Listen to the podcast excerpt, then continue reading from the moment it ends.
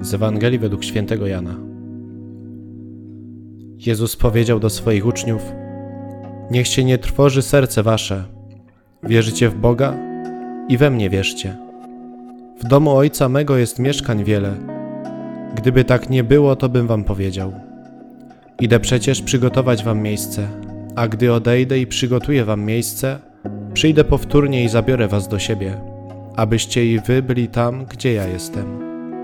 Znacie drogę, dokąd ja idę. Odezwał się do niego Tomasz: Panie, nie wiemy dokąd idziesz. Jak więc możemy znać drogę? Odpowiedział mu Jezus: Ja jestem drogą i prawdą i życiem. Nikt nie przychodzi do Ojca inaczej, jak tylko przeze mnie.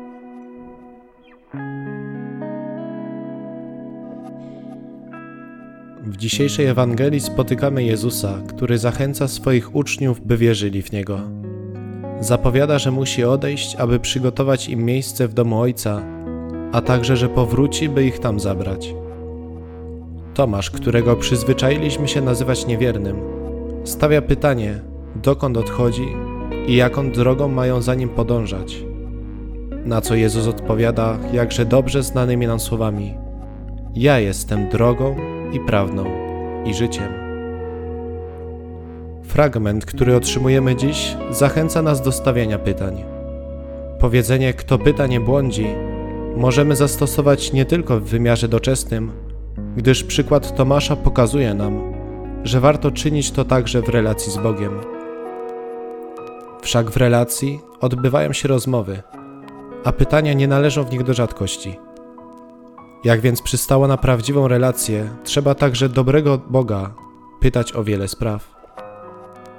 Jakże często stajemy w życiu przed różnymi problemami i wyborami, ale czy próbujemy je rozpatrywać w świetle naszej wiary?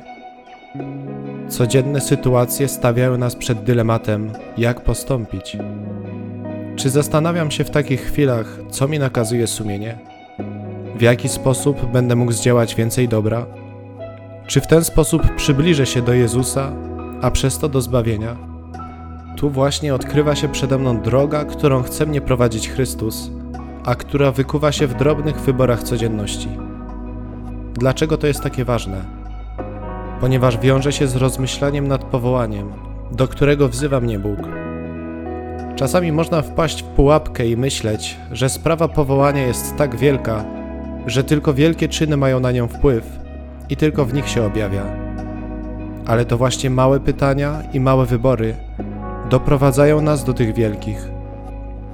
Twoje powołanie wykuwa się w tej chwili, którą otrzymujesz, a nie w wielkich, ale sporadycznych wydarzeniach Twojego życia. To, kim będziesz za rok, kreujesz dziś. A Chrystus chce, byś kreował tę rzeczywistość razem z Nim, bo tylko On jest drogą prowadzącą do Ojca. W Nim jest prawda o Tobie i chce Cię obdarzać pełnią życia.